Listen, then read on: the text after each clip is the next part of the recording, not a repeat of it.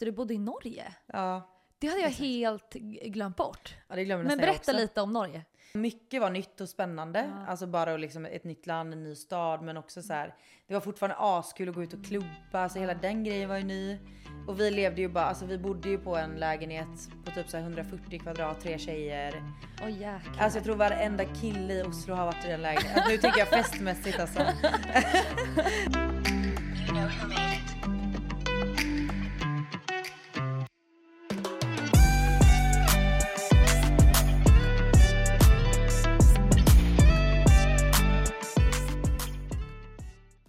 Ja, välkommen hit Ida. Tack så mycket. Jag tänkte att jag skulle göra ett litet intro och bara liksom, eller inte ett intro men berätta lite om dig. Ja, jag tänker att men ska du berätta om mig? Ja men bara lite Oj. kort, bara en Ja. presentation. Ja. Du är en härlig göteborgare som bor i Stockholm. Mhm. Du, alltså, så länge jag har känt dig så har du ju pluggat. Stämmer nog Eh, också. Förutom nu, för nu har du börjat jobba ish. Du, vi ska komma in lite mer på det. Men sen håller du även på med dina sociala medier. Yesbox. Yes. Stämmer bra. Ja, hur känns det att vara här? Jättekul. Ja. Vi har ju försökt få till det här ett tag. Ja. Eh, men eh, nej men det känns askul och eh, jag är pepp på det här liksom formatet. Ja, Video för du håller ju och... själv på med, med YouTube. Ja men precis det gör jag ju. Mm. Men det är Just- också hyfsat nytt. Eller fan snart ett år sedan. Jag började i juni förra året. Ja, fan vad tiden går snabbt. Juni förra året. Ja. För, jag, för när jag lärde känna dig, då höll du inte på med YouTube. nej. Nej. Sen från ena dagen till den andra så Ja. bara...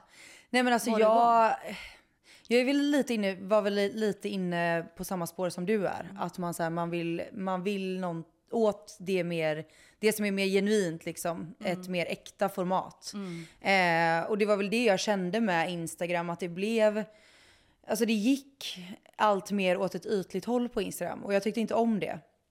Eh, och jag har alltid känt typ att jag har med, om jag ändå typ ska, utan att det ska låta fel, men tjäna pengar på att visa mig själv. Då känner jag att jag hellre vill göra det 100% och faktiskt visa min personlighet också. Och inte bara det ytliga. Så det var typ det som fick mig att bara, nej nu kör jag YouTube. Ja, Jag förstår dig 100% för det är exakt därför jag vill starta podden. Mm. Ja. Och för att jag kände inte att jag kunde vara 100% autentisk och visa Nej. hela mig själv på mina, min, min Instagram. Nej. Och det blir lätt att man hamnar i det spåret. Och jag hade tänkt komma in lite på just det du nyss tar upp. Att Mm. Ja. du är så duktig på att vara så autentisk och visa din vardag och verkligen visa dig själv. Tack. Medan andra är så rädda för att göra det och Ja. allt ska se bra ut, allt ska vara så ytligt och fint Ja. hela tiden. Mm. Och det kan ju vara lätt att folk så här, att det kan vara pinsamt att göra det, att man kan tycka att det tar emot lite att göra det.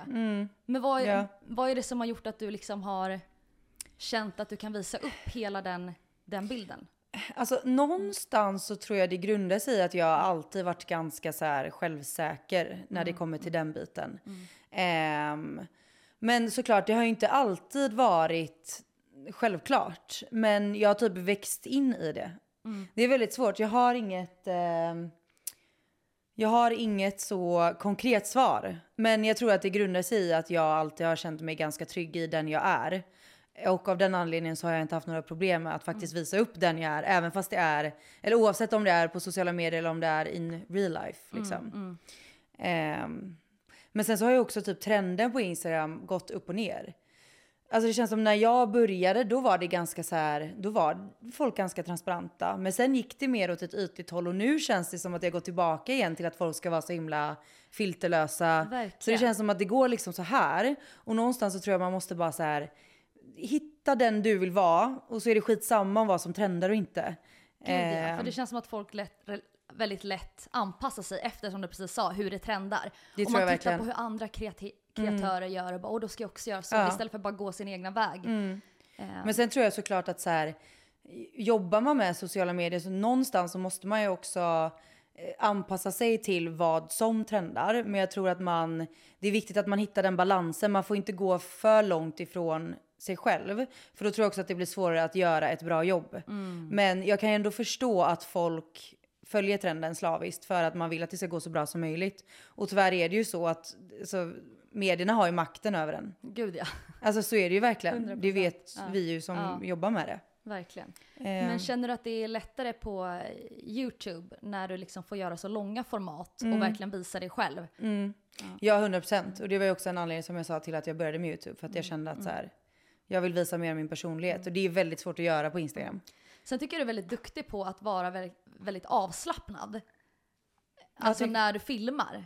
Ja, tycker du det? Ja, jag, det, jag kan tänka mig, alltså jag har väldigt svårt att fastna. Speciellt typ på TikTok, för du har lagt upp mycket på TikTok också. ja, Då scrollar jag bara vidare. För, Ja. Men när du pratar så, du bjuder liksom in. mm, Man känner, det känns som att man är där liksom. Och det är också viktigt, jag tror många, det är, det är ganska svårt att, att förmedla den känslan. Mm. Att, Men det är det jag tror att jag behövde. Jag behövde typ hitta min mening med att vara på sociala medier. Och alltså som du säger, jag är bäst i det formatet. Ehm, så jag tror att jag bara hittade min grej lite och sen har jag kört på det. Och sen är det klart, det är också lite sjukt att man känner så men det gör det och i och med att nu att jag kör YouTube så gör det gör det typ, eh, hur ska jag förklara det? Det gör att det känns bättre att vara ytlig på Instagram. Fattar du vad jag menar? Ah, För att då är det så här, det jag har, ändå, jag har ändå YouTube som väger upp så jag kan, så jag kan vara ytlig på Instagram. Alltså fattar du vad jag menar? Jag fattar. Ja. Jag förstår, du Ehm. rättfärdigar att du kan visa hela Exakt. dig på den plattformen och då kan du vara lite mer ytlig och det ser lite bättre ut på Instagram. Ja. Men sen är det också så här, alla väljer ju hur de vill vara. Jag säger inte att det är något fel med att vara ytlig på sociala Mm. Nej, medier. nej. Men för mig hade det inte funkat. Jag hade inte känt mig motiverad Mm. till att jobba med det om jag inte kunde göra det. Eh, eller kunde vara den, kan vara den jag är liksom. Mm. När jag tänker på dig, då tänker jag verkligen en livsnjutare. Alltså jag, tänk, ja, jag tänker att du kan uppskatta de här små stunderna i livet. Ja. När du sitter med din köpp ja, men det är det bästa jag vet. Alltså, och solar och bara... Nej men du har nog rätt i det du säger delvis. Eh, för att det har inte alltid varit så. Eh, men alltså speciellt det med köppen, alltså det är ju liksom min motivation till att gå upp på morgonen. Men speciellt nu när jag liksom har 9 till 5 jobb liksom, eller vardag. Så det är ju skitjobbigt när alarmet ringer. Men det hjälper så mycket att veta. För att jag preppar också kaffet dagen innan. Alltså häller i vatten, allting. Så att när jag går upp på morgonen, jag går typ upp i sömnen och trycker på knappen. Jag dör. Så okej, ska jag berätta min morgonrutin? ja, 100% Alltså, kör, kör, i kör. detalj. Ja. Så här, klockan ringer halv sju. Ja, 06.30. Jag snosar till 7.20 typ. Går upp, då har jag då preppat kaffen dagen innan. Eh, går upp till, till köket som en zombie typ, trycker på knappen. Går in i badrummet, kissar. Eh, sköljer ansiktet och tar på mig ansiktskräm. Och när jag är klar med det inne på badet, badet, badrummet, Badet som att du är på spa liksom. verkligen. När jag är klar inne på Badrummet. badrummet, då är det right in time till att kaffet är klart. För jag har alltid samma mängd varje morgon. För jag dricker bara en kopp En cup.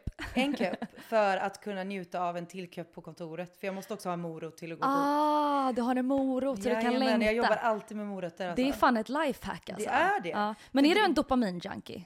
Dopamin. Det är junk. dopamin-junkie, alltså den här lilla kicken, att man får ha kaffe eller att man får njuta av de här små sakerna. Jo men kanske. Mm. Men inte i form av att säga jag behöver.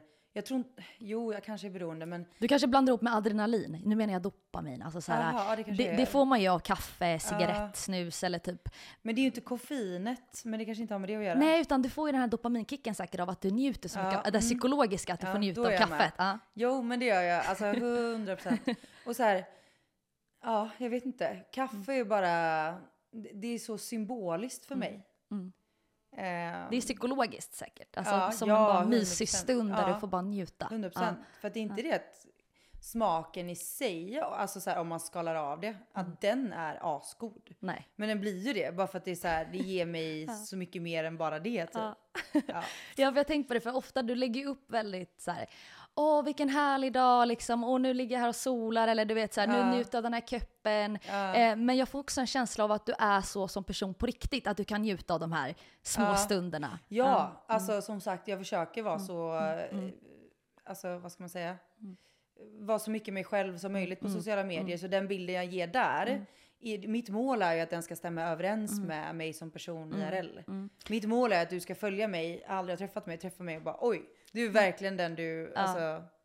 Men det, det tycker jag verkligen, det kan jag instämma att det verkligen är så. Alltså Ja, den känslan man får i dig IRL stämmer Ja. in med hur du framställer på, på sociala medier. Och det är därför jag ville komma in på det också, för jag tycker det är intressant.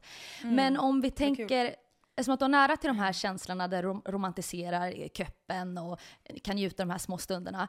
Eh, har du lika nära till de känslorna fast motsatta? Att du kan ha, har du nära till ångest och jobbiga känslor också, eller hur är du där?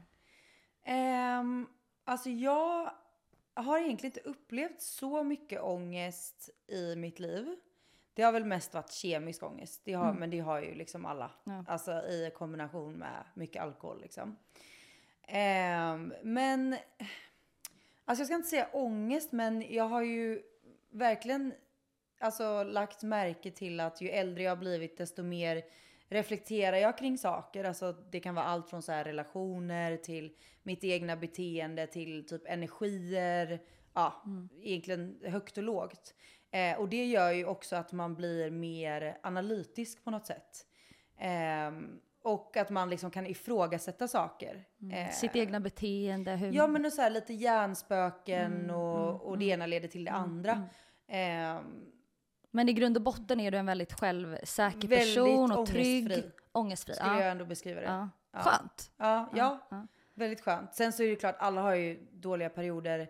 Ja, det är klart att jag kan ha ångest, 100%. Men jag skulle inte beskriva mig som en person som ofta har ångest. Nej. Men när du då känner de här eh, oroskänslorna som vi alla kan känna, även Ja. fast man inte lider av ångest eller har varit med om en depression och sådär. Mm. Vad, om du tänker, det kanske är svårt att svara på, men vad är det mest som oroar dig då när du har de känslorna? Om det inte är kemiskt liksom, i livet.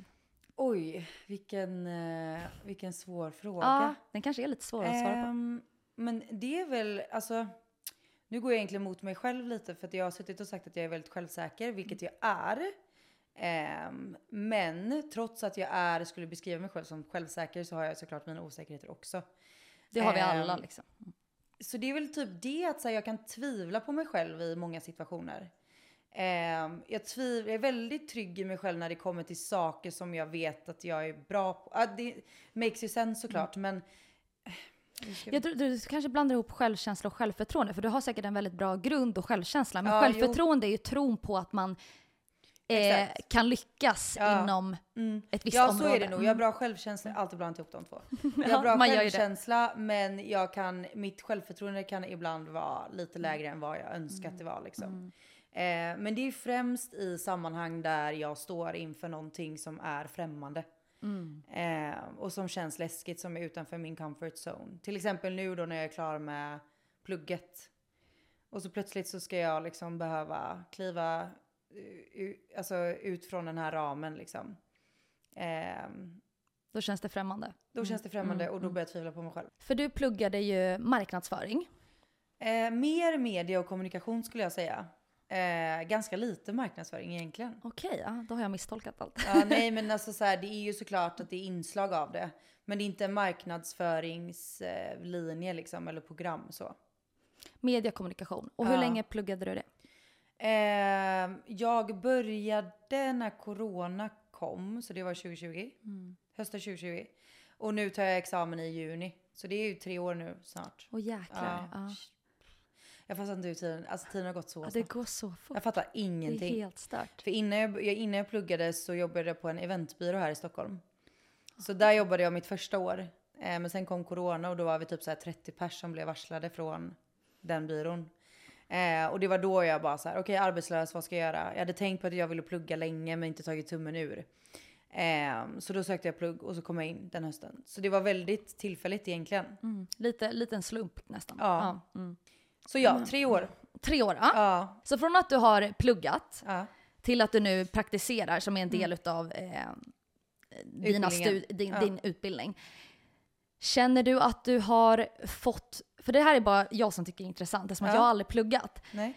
Känner du att det du har lärt dig i, eh, under tiden du har studerat, Mm. känner du att du får användning av, dem, av det och de verktygen? Mm. Eller känner du att kanske din erfarenhet inom sociala medier kanske har varit, vägt ännu tyngre? Mm. Eller den kombon kanske blir jättebra. Jag vet inte, jag är så nyfiken på Ja. vad du känner nu. Nej men det är verkligen en jättebra fråga för det är också en fråga som jag ständigt ställer till mig själv. Eh, både ja och nej skulle jag säga. Om vi börjar med vad, vad jag känner att jag kan applicera eh, ute i praktiken från utbildningen.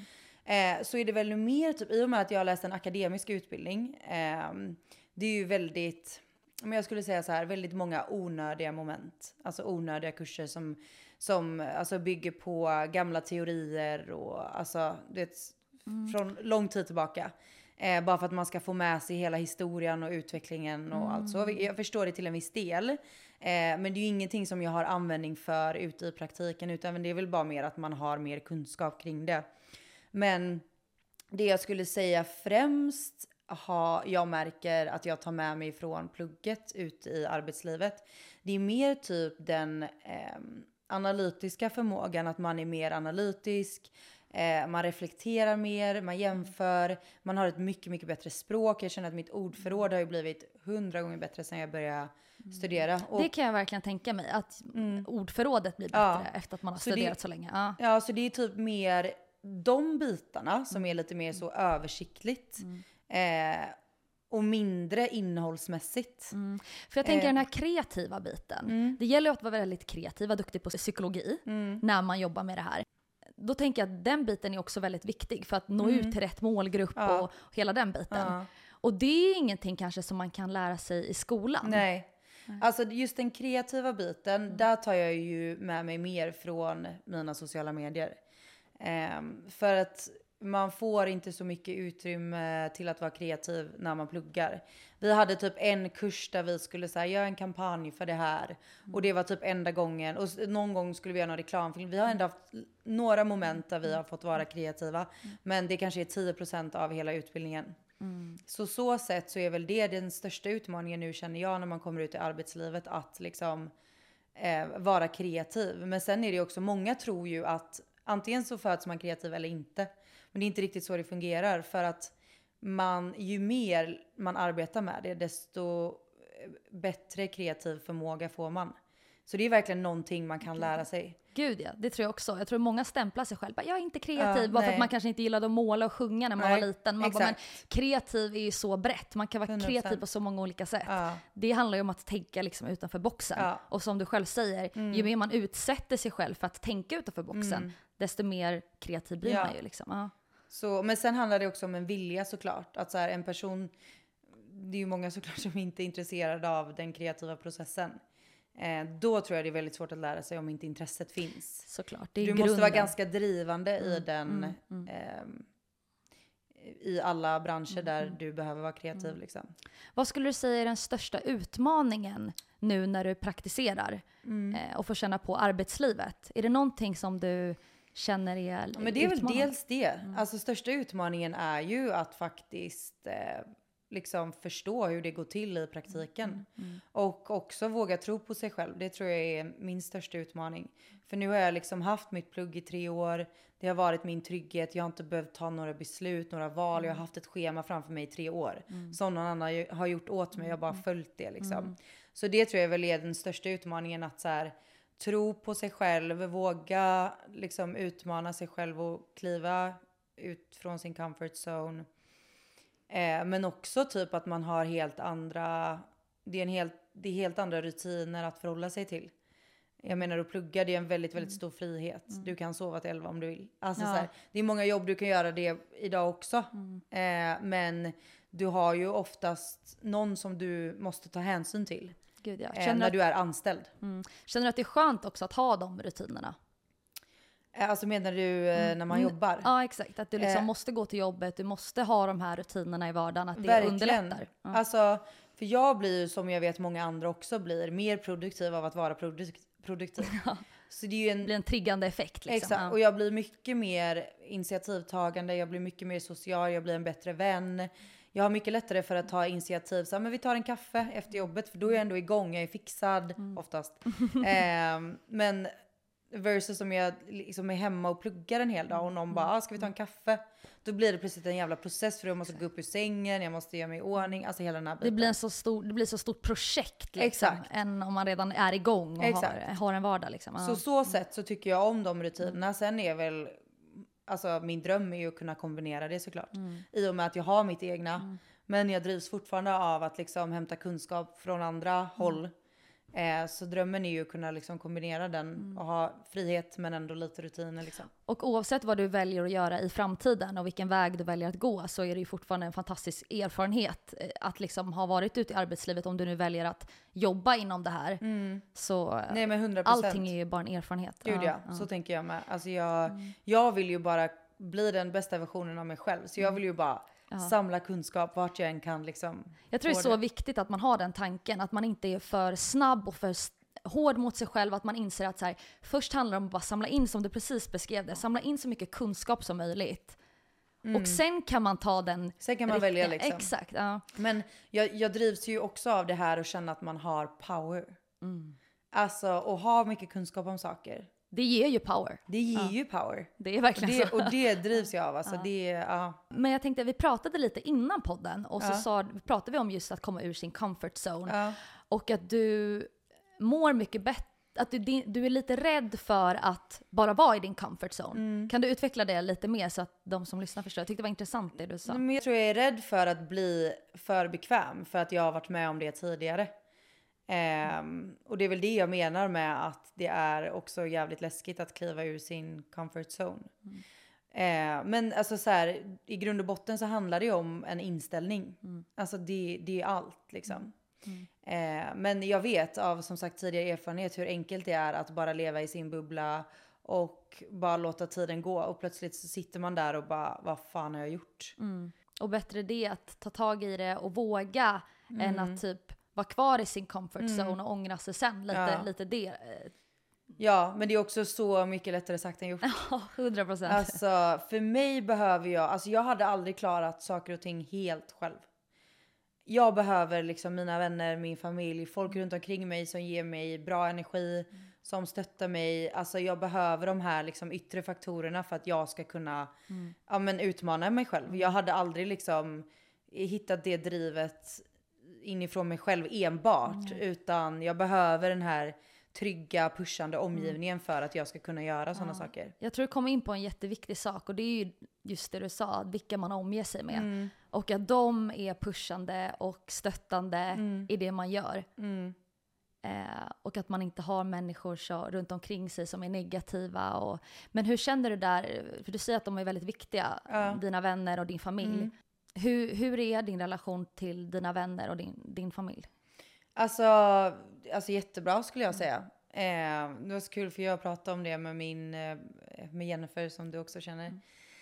Eh, men vad man har, eller så här, jag har väl alltid haft väldigt många vänner och liksom satt pris på att ha många. Alltid. Eller egentligen har jag aldrig reflekterat över det, men det är väldigt naturligt när man liksom Ja, men jag vet inte, spelar i ett fotbollslag, går i en gymnasieklass eller ja. Du har haft väldigt lätt för att skaffa vänner kanske? Ja, men det Mm. har jag. Eh, och alltid liksom varit i stora gäng, alltså minst i alla fall ja, fem personer, det kanske inte är asstort men ja. Nej men och så har jag också liksom lagt märke vid att så här, ju äldre jag blivit desto mer selektiv är jag med mina vänner. Och jag har hamnat i så många situationer det senaste, det var det jag och Jennifer pratade om att så här, man har hamnat i situationer bara det senaste året där man har insett bara oj, jag har verkligen inte så många vänner som jag tyr mig till idag. Eh, och idag tror jag att jag med handen på hjärtat har tre vänner som jag ringer och liksom kan prata om allt med. Ehm, Och jag, alltså det är så roligt för att jag typ skäms nästan för jag är så här, gud, jag har typ två, tre vänner. alltså som är så som jag definierar Ja. som vänner. ja, Och jag tänker så här, det är fan konstigt men det är det bästa också för att, ja. Nej men och det man tror jag som sagt, ja förlåt. nu nej nej fortsätt, fortsätt. Nej men det tror jag som sagt är en åldersgrej också att man också tillbaka till det jag sa förut att man reflekterar mer idag. Man reflekterar mer över relationer, energier, vad man får ut av eh, de relationerna man har. Man prioriterar egen tid mer, man prioriterar sig själv. Alltså man, man har ett helt annat mindset än vad man hade när man var yngre. Då var det så här, man levde i nuet, alltså det var ingenting som existerade. Idag är man ju väl, reflekterar man ju väldigt mycket mer. Gud ja. Och det tror jag är en grund till att jag i alla fall sitter här idag med Mm. tre vänner för att jag eh, för mig är det viktigare idag Mm. eh, att omge mig kring människor som ger mig bra energi. Men också så här, jag hade inte den kunskapen förut när man var yngre. Men vad, vad, vadå, vad var ens energi? Ja, liksom? man fattar ingenting. Nej. Man bara, vadå? Man Eh, körde bara på liksom, levde i nuet som du säger. Ja. Exakt. Eh, så svaret på din fråga, jag har väldigt bra relation med mina nära vänner. Sen har jag ju såklart andra vänner också, men om vi ska prata mina absolut närmsta vänner liksom. Och vilka är dina absolut närmsta vänner? Ja men Jennifer är ju min liksom sen way back. Eh, Jennifer, eh, och så har vi Alice. Eh, och sen så har vi Filippa. Och ja nu kommer det fyra i och för sig. Och sen så har Det var vi... jag glömde en. Ja, sen så har vi en till Filippa faktiskt. Men hon är en nyare vän. Nyare? Säger man så? Ja, så kan man säga. Ja, hon är en nyare vän till mig. Hon, eh, jag lärde känna henne i plugget. Vi går i samma klass. Ah. Så det är liksom, och vi började hänga typ ett och ett halvt år sedan. Men det är Ehm, fantastiskt med de här nya vännerna tycker jag också. Ja. För att de man har lärt känna när man är yngre, det är Mm. mer för att man har känt varandra så länge. Så när man väl skaffar en ny vän Mm. idag, då är det verkligen så här, vi har samma energi, dig, Mm. vi är så lika, dig tycker jag verkligen om. Då väljer man det lite mer Exakt. istället för att man har växt upp tillsammans. Så är det verkligen. Men du är ju uppväxt i Göteborg, eller hur? Stämmer. Mm. Och är det där du har lärt känna dina... Eller nej, vänta nu ljög jag. Alltså så här. Ja, gud, det är lite roligt för jag pratade om det här med mina kollegor igår senast. Jag är lite försiktig med att säga att jag är från Göteborg. Okej. ja. För att, eller så här, när jag pratar med folk som är från Göteborg, då säger jag att jag är från Kungsbacka. Det är där jag är ifrån. Eh, men när jag, pratar, när jag pratar med folk som inte är från Göteborg, typ som du, då säger jag att jag är från Göteborg. För grejen är så här, Kungsbacka är en kommun som ligger utanför Göteborg. Det är typ 20 minuter söder om Göteborg. Okej, Och det tillhör ju då inte Västra Götaland, utan det tillhör Halland. Okej, nu, nu Så- blir det för mycket geografi för mig. Så om jag pratar med en göteborgare och säger jag är från Göteborg och Ja. så säger de var är Göteborg? Och då säger jag Kungsbacka. Jag fattar, du behandlar alla andra som inte är göteborgare som små barn som inte förstår någonting. exakt.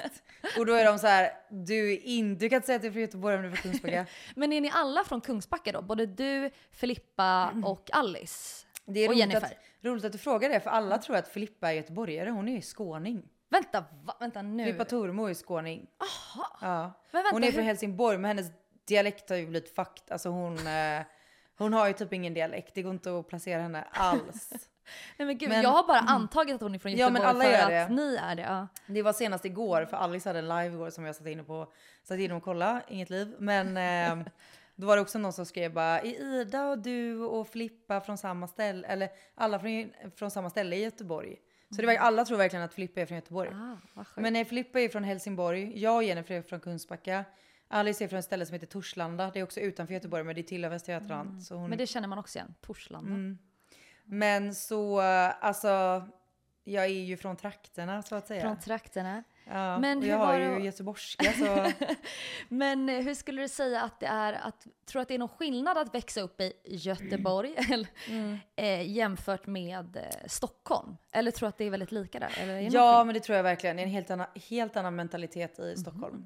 Eh, det skulle jag väl ändå säga. Intressant. Ja. Berätta lite vad skillnaden är. Eh, utan att ha för mycket fördomar. Får vi massa hat?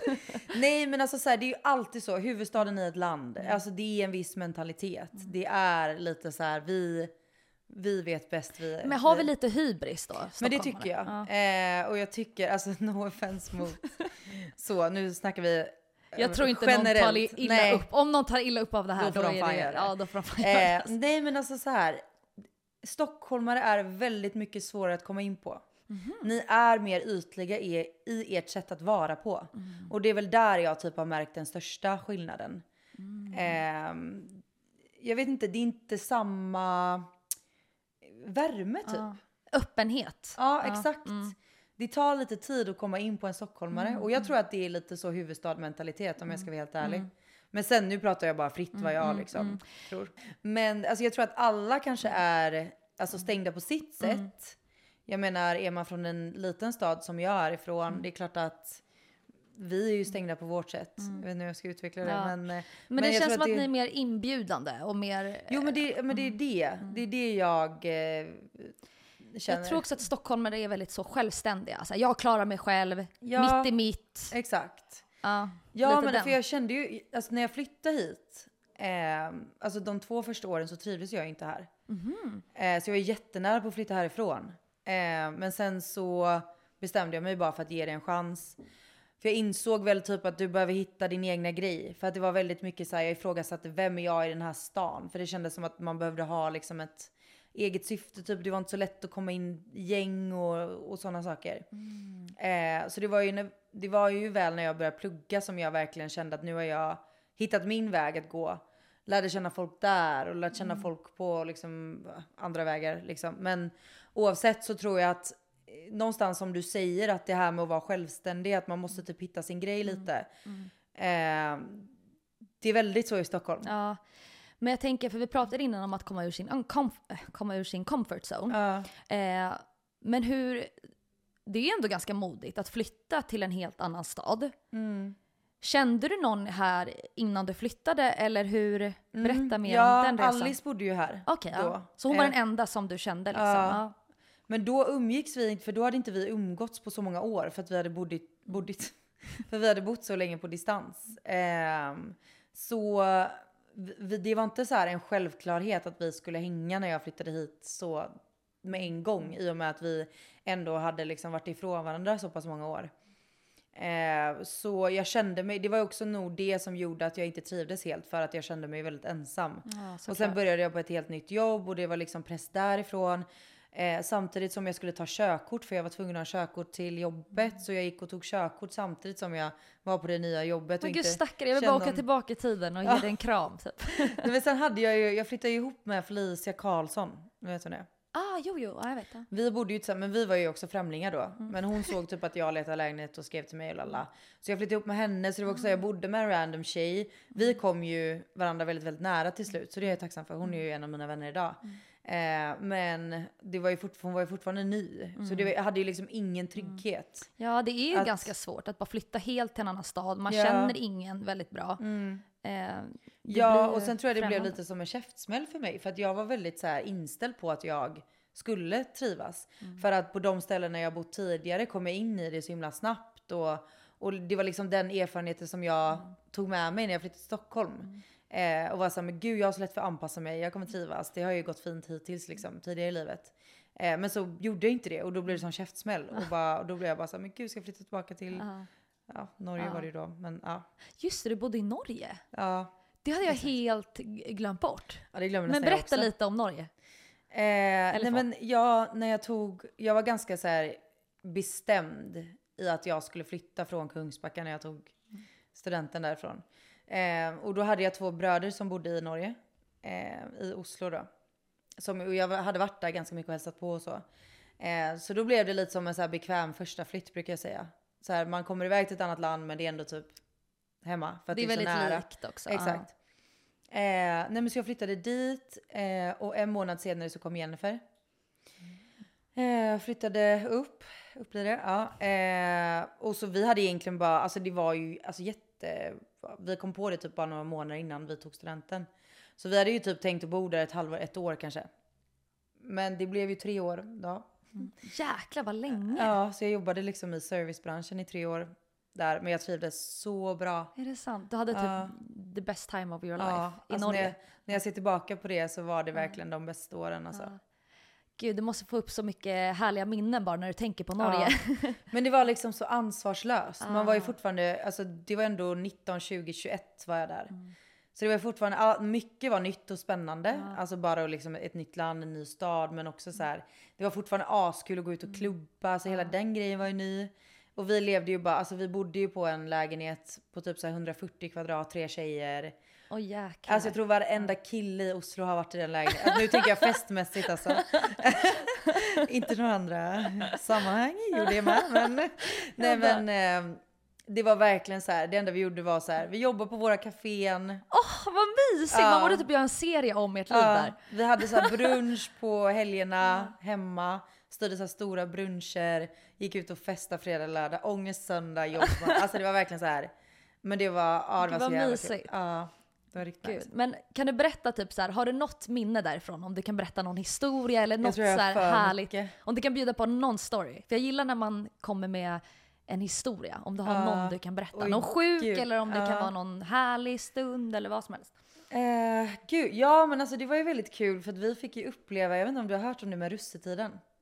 Russetiden? Vänta, jag känner igen det. Man har säkert hört det på Skam. när eller någonting. norrmännen, ja skam, Ja, ja. det är ju ett praktexempel på, på det. Nej men när man går ut gymnasiet där Just så, det. så är man, nu kommer jag inte ihåg exakt för det var ganska länge sedan ändå, men eh, man är russ heter det. Mhm. Eh, och då är man det, jag tror det är en, ja men om det är några veckor eller no, en månad innan man går ut gymnasiet. Eh, då är man alltså russ då. Eh, och då går man ihop ett gäng. Det är oftast inte klassvis som jag trodde från början. Utan man går typ ihop med dem som man alltså, tycker bäst om och hänger med. Eh, och, eh, och så köper man en buss. Och så gör man om den bussen till alltså en typ festlokal. Det är så jävla sjukt. Varför, Det- har vi, varför gör vi inte det i Det Sverige? är så sjukt, men jag fattar ju inte att, att det är lagligt ens. Alltså det är faktiskt helt sjukt. Och det här fick ju vi uppleva då, för att vi lärde ju känna så mycket norska killar. Som i den vevan vi bodde där också gick ut gymnasiet. Eh, så för att man får ju också bjuda in alltså externa Ah, personer. det. Så vi blev alltså vi så var på Tinder. Det var ju också en vanlig grej att alla som var russ, de var på Tinder för att de ville liksom Bjuda locka in, in, snygga tjejer. snygga typ. tjejer liksom. Ja. Ja. Ehm, och det här pågår ju som sagt i flera veckor. De rullar i flera, ja, man säger att man rullar då. De, man bara åker runt i en buss i sex timmar och festar på natten. Alltså helt sjukt. Alltså gud Du vet så matchar man med någon på Tinder och de bara ah, vi plockar upp er klockan 02 i natt där. Och så åker man liksom dit. Och så har man på sig så här typ myskläder. Alltså det är verkligen så här du har en overall på dig typ. Ah, det är inte så Ehm, klackar och klänning Nej, liksom. nej, gud nej. Alltså nej, då hade du blivit utkastad typ. Nej men det går inte för att bussen, alltså man flyger ju hej och hå i Men bussen. Ja. gud. Nej men så, och då var det så här bara okej, kollar man upp de killarna bara, ah, men de ser snygga ut. Så åkte man till det liksom, den hållplatsen 02 på natten, kommer bussen, alltså det dunkar ju med musik. Alltså folk lägger ju flera hundratusen på de här bussarna. Men det är så sjukt. För att man tävlar ju också typ lite, det är ju lite, s- image typ. Lite status, vem Exakt. som har bäst buss. Eller vad samma, ru- russebuss Russebuss. kanske. Russebuss. Och sen så gör man ju också russelåtar. Så man eh, Alltså anställer ju, nej men man anställer ju typ så här DJs och sånt som gör låtar åt Oj, den. Så man har så här en russelåt som släpps Okej, på berätta om den Spotify. bästa russebussen. Har du någon riktig sån där de har lagt ner mycket pengar och det var Nej, den men bästa alltså russebussen? Alla vi åkte med var faktiskt ganska, eh, var faktiskt ganska nice. Men eh, det var ju väl en buss som var liksom mer nice killar. Okej, ja. Eh, det var någon gång, Ni hade väldigt, ögonen på något annat. men det liksom. var väldigt spännande någon gång. Fan nu vill inte jag säga fel. Mm. Men du vet Williams, alltså som spelar William i Skam. Ja, ja, ja. Vi började umgås med han och hans kompisar. Och om jag inte minns fel så var de, de var ju då äldre så det var inte deras buss men jag tror de hade blivit inbjudna. Eh, de var på en av de bussarna vi var på. Om jag inte minns fel för att vi var på efterfest med dem efter bussen. Eh, jag kan ha fel att vi mötte upp dem efter, jag är inte helt, jag minns inte helt. Men det var i alla fall, jag minns att det var en jävligt rolig kväll för det var också en buss där det var väldigt mycket snygga killar. Eh, och du vet man var helt galen. Alltså jag tror Jennifer hånglade med 10 pers på en kväll. alltså gränslös. Eh, jag vet, man var bara så full, Ja. alltså full, ful och kåt. typ. alltså, Tider. Ja, det, var, det är typ ett av mina roligaste minnen, alltså russetiden alltså. Russetiden. Gud. Och du vet de här sjuka låtarna som man bara... ja, så här riktiga dunklåtar. Nej men det är bara dunk. Ah. Alltså man, går, man måste ju ha alltså, öronproppar. Ja, det är så pass. Ja ja ja, gud ja. Men gud vad man älskar dunklåtar ändå. Ja, eller borde- gjorde, jag lyssnade Ja, fast men man borde typ lyssna typ mer att på jag det. hade kunnat tänka mig att festa till det igen alltså. Det är ju vibe. Ja, det är ju 100% vibe. Men det är ju riktiga så här fjortislåtar. Ja. Du vet den här som har gått runt på TikTok. Du vet den här svenska tjejen som sjunger... Ratata, jag bara ratatana. Nej. Daniela, hon har ju lite så dunklåtar. Ja men nej nej, inte sån. annan. Alltså Okej. den här typ bonnelåten. Bon... Ja, men jag, det blir lite så här bondigt men Ja, ändå lite exakt. fjortisdunk. Ja, Ja, men jag tror jag vet. fjortisdunk ja. Ja. Det är det. Ah, så Nej, jävla bra. skitkul. Det är typ ett bra. av mina bästa minnen därifrån.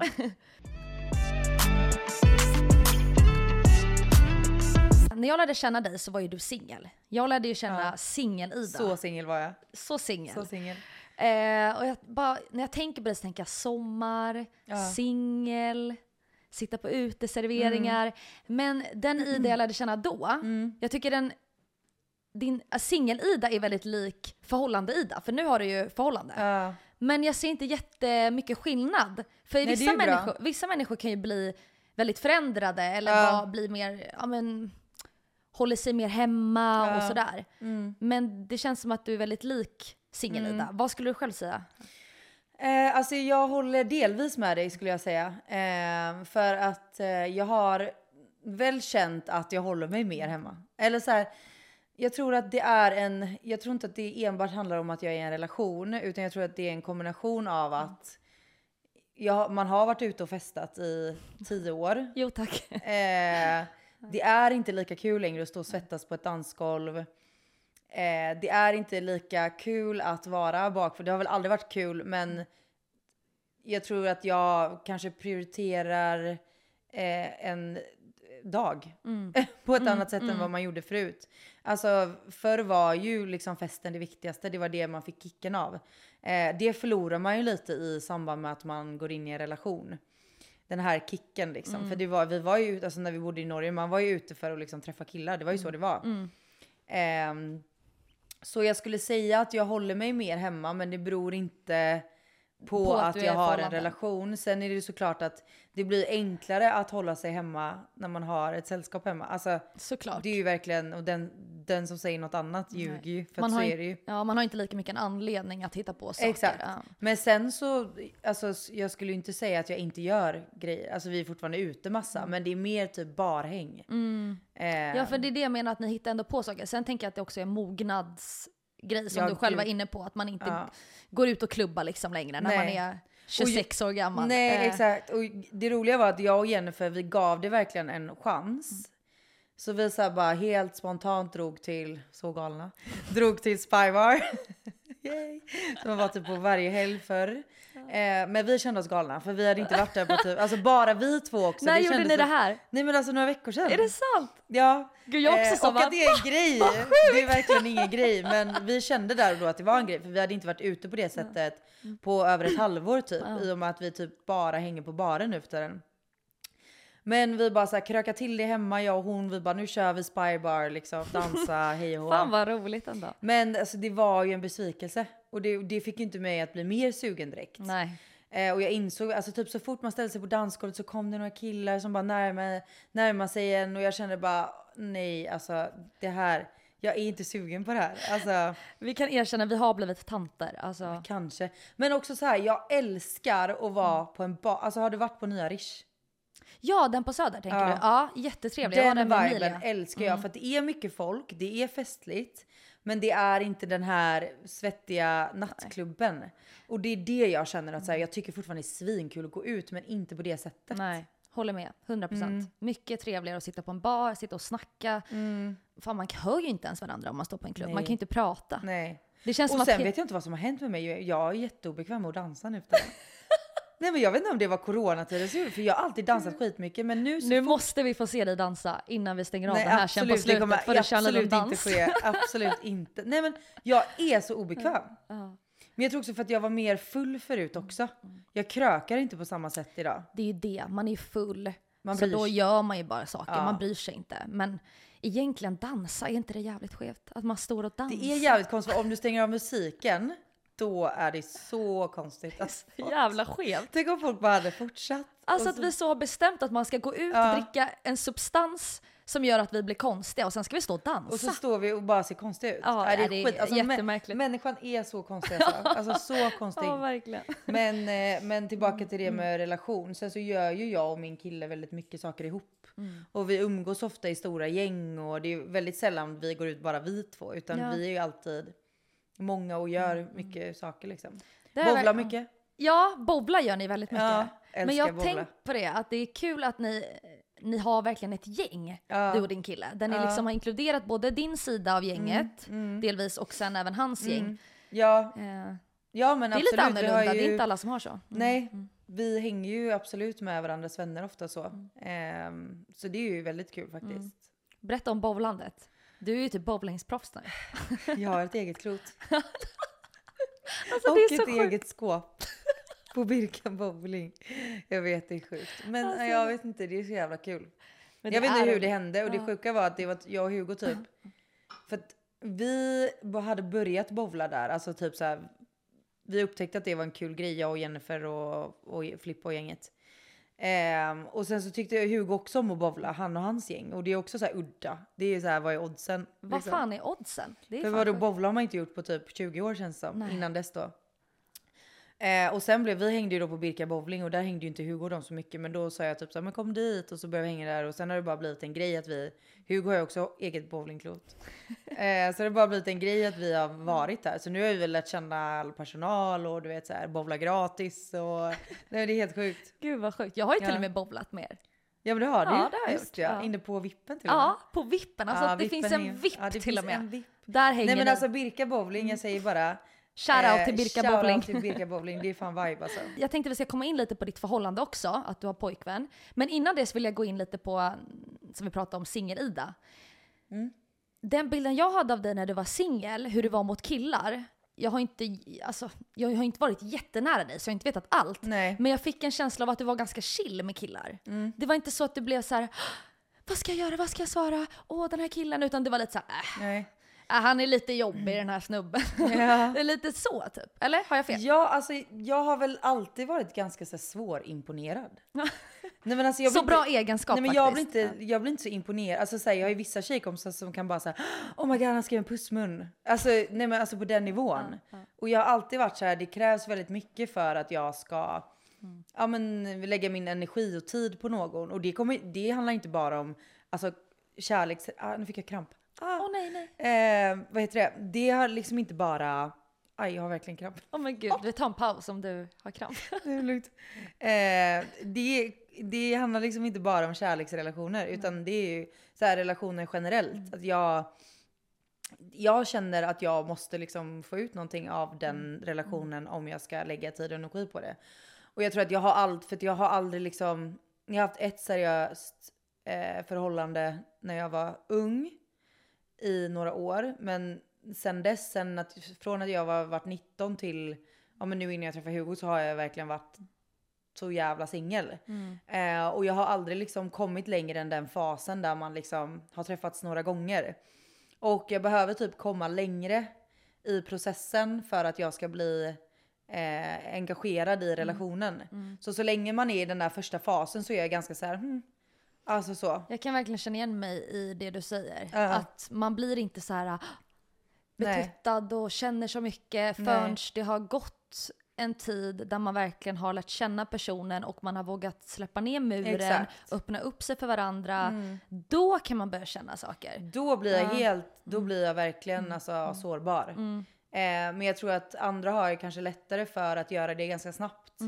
Eh, men det har jag alltid varit väldigt försiktig med att göra. Sen har det ju kanske, det behöver inte alltid vara positivt heller. Nej. Eh, men Fråga Johan liksom. vadå?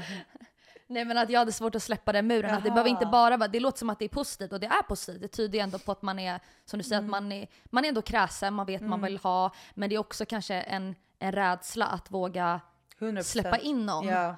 Eh, och det förstod jag inte ens förrän efter. Till och med Nej. Johan, min pojkvän, förstod det före mig.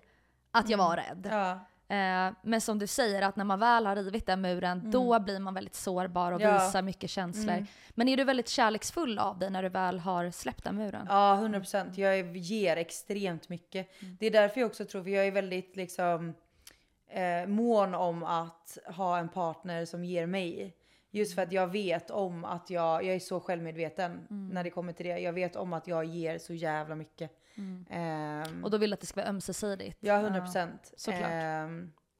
så verkligen, det skulle jag säga att jag är kärleksfull. Mm. Ehm, så, och det är lite roligt att du säger det, för att den bilden som du har, Mm. har ju, alltså jag- det är ju inte första gången jag hör det, att folk är såhär, du känns så iskall och så Mm. här lugn och, och ja, utåt sett kan det verka så för att man ser, kanske sett mig i sammanhang med killar Mm. som jag inte har liksom kommit någon vart med. Men när jag väl har gjort det, då blir jag, liksom, då kan jag bli Mm. Mer liksom, sårbar. Mm. varför hör han inte av sig? Alltså, Men det krävs liksom Jag tid för att jag ska komma Mm. dit. Men hur är det nu i din relation? Är du eh, väldigt sårbar nu? Mm. Eller var det mer i början? Eller kan du fortfarande ha en del osäkerheter nu i Mm. relationen? Alltså det har typ varit lite upp och ner för att det var, alltså det har ju varit en sjuk omställning för mig. Att ha varit singel i typ åtta år och sen gå in i en relation. Ehm, för att någonstans på vägen så lär man ju sig att trivas i sitt egna sällskap. Och det är väl också det som har gjort att jag inte har kanske släppt in så många killar just för att jag ja, men känner att så här, det ska mycket till för att jag ska liksom offra min tid. Eh, I och med att jag faktiskt är så trygg i, i, liksom, i att vara själv. Eh, och tycker det är asnice och lever ett asnice liv liksom. Så det är mycket som ska till för att jag ska dela med mig av det med någon. Eh, men eh, så det var ju inte givet från början. Alltså när vi sa att vi var ett par då var det nästan mer skrämmande än vad, det var, än vad jag var glad. Eh, men sen när jag lät det liksom landa efter några veckor då var det ju såklart att det kändes liksom som rätt beslut.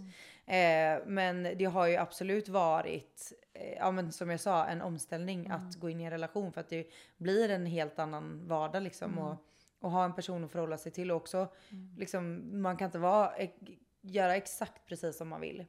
Eh, man ska alltid vara sig själv, man ska inte förändra sig själv så. Men någonstans så behöver man ju kompromissa med om man ska leva med någon. Eh, så man behöver ju kanske tona ner vissa saker eller tona upp, alltså du fattar vad jag menar? Gud ja. man lever ju ändå i symbios med en annan person. Exakt. Eh, även om man har sitt egna liv så måste man ju fortfarande mötas halvvägs på vissa saker. Man måste alltid ta hänsyn till den andras känslor.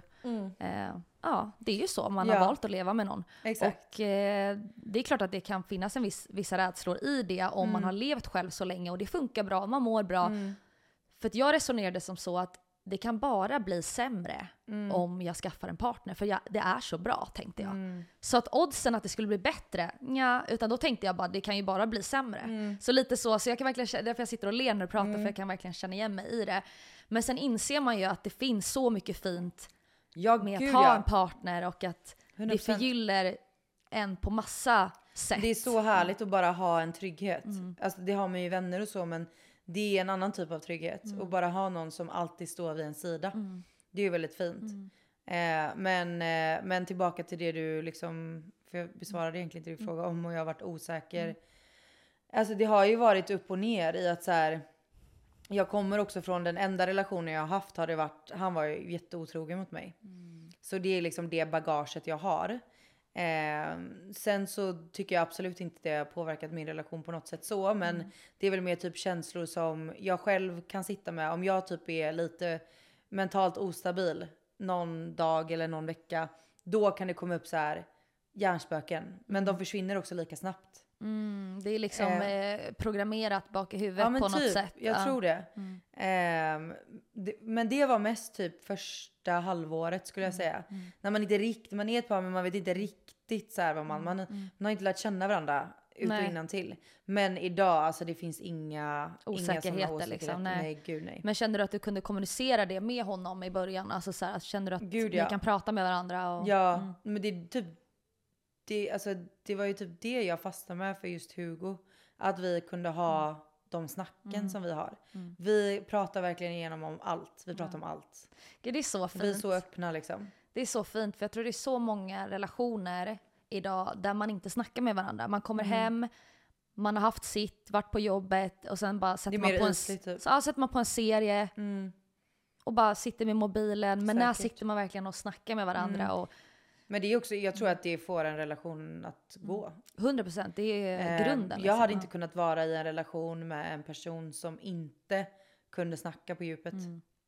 Nej, samma här. Skulle du säga att du har en bra eller dålig erfarenhet av tidigare killar eller relationer? Men den besvarade du ju lite. Ja, ja, Ehm, jag har...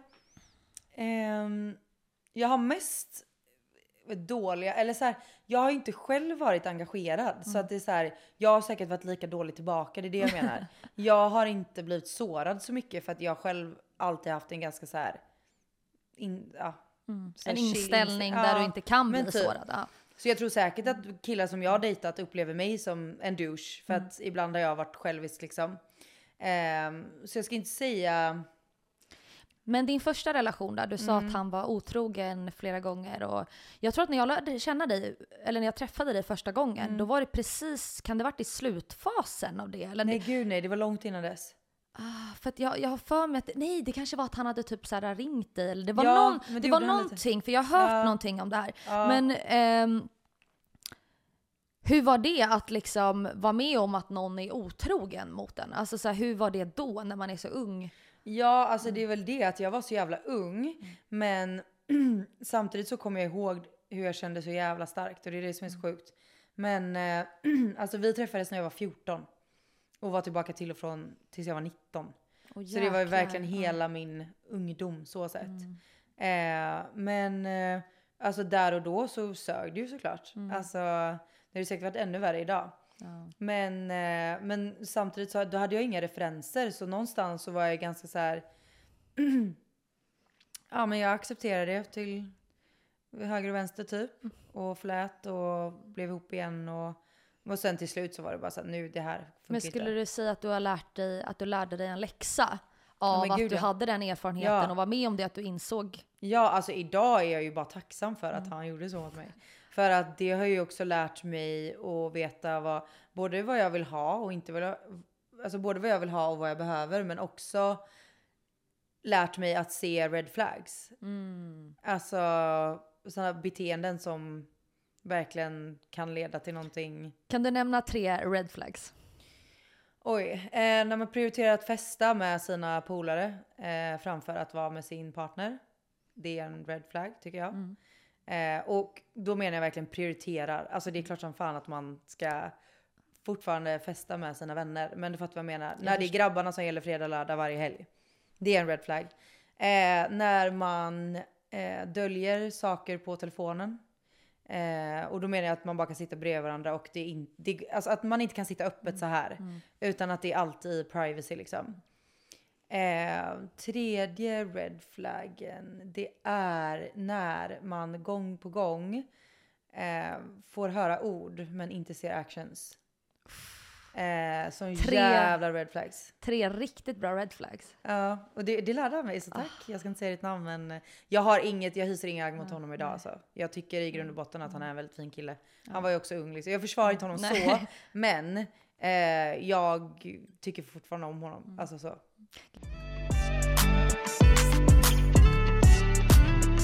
Hur länge har ni eh, varit tillsammans? Du och Hugo? Eh, nu blir det ja, men ett och ett halvt år. I sommar så är det två år sedan som vi träffades. Så ja. Och hur träffades ni? Eh, alltså det här är faktiskt en ganska rolig historia. Jag ska försöka hålla mig kort. Men Tell eh, me. och vi har också lite olika historier, jag och Ah, Hugo. så här, intressant. det är liknande men alltså, det skiljer sig i detaljer typ. Men eh, vi, alltså så här.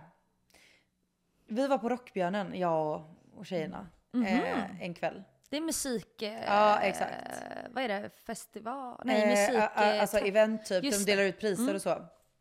Ehm, så vi var där och Hugo var där med sina vänner och så var det så här efterfest. Och så jag och Hugo typ kollade på varandra hela kvällen. Alltså vi sa aldrig någonting till varandra, vi pratade aldrig. Men det var verkligen så här tydligt att någonting var i luften för vi kollade på varandra hela tiden, hela kvällen typ.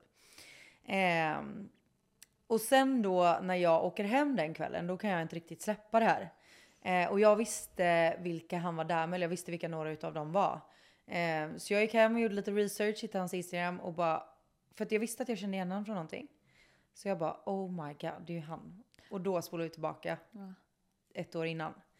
Eh, för då matchade jag med en kille som heter Felix på Tinder.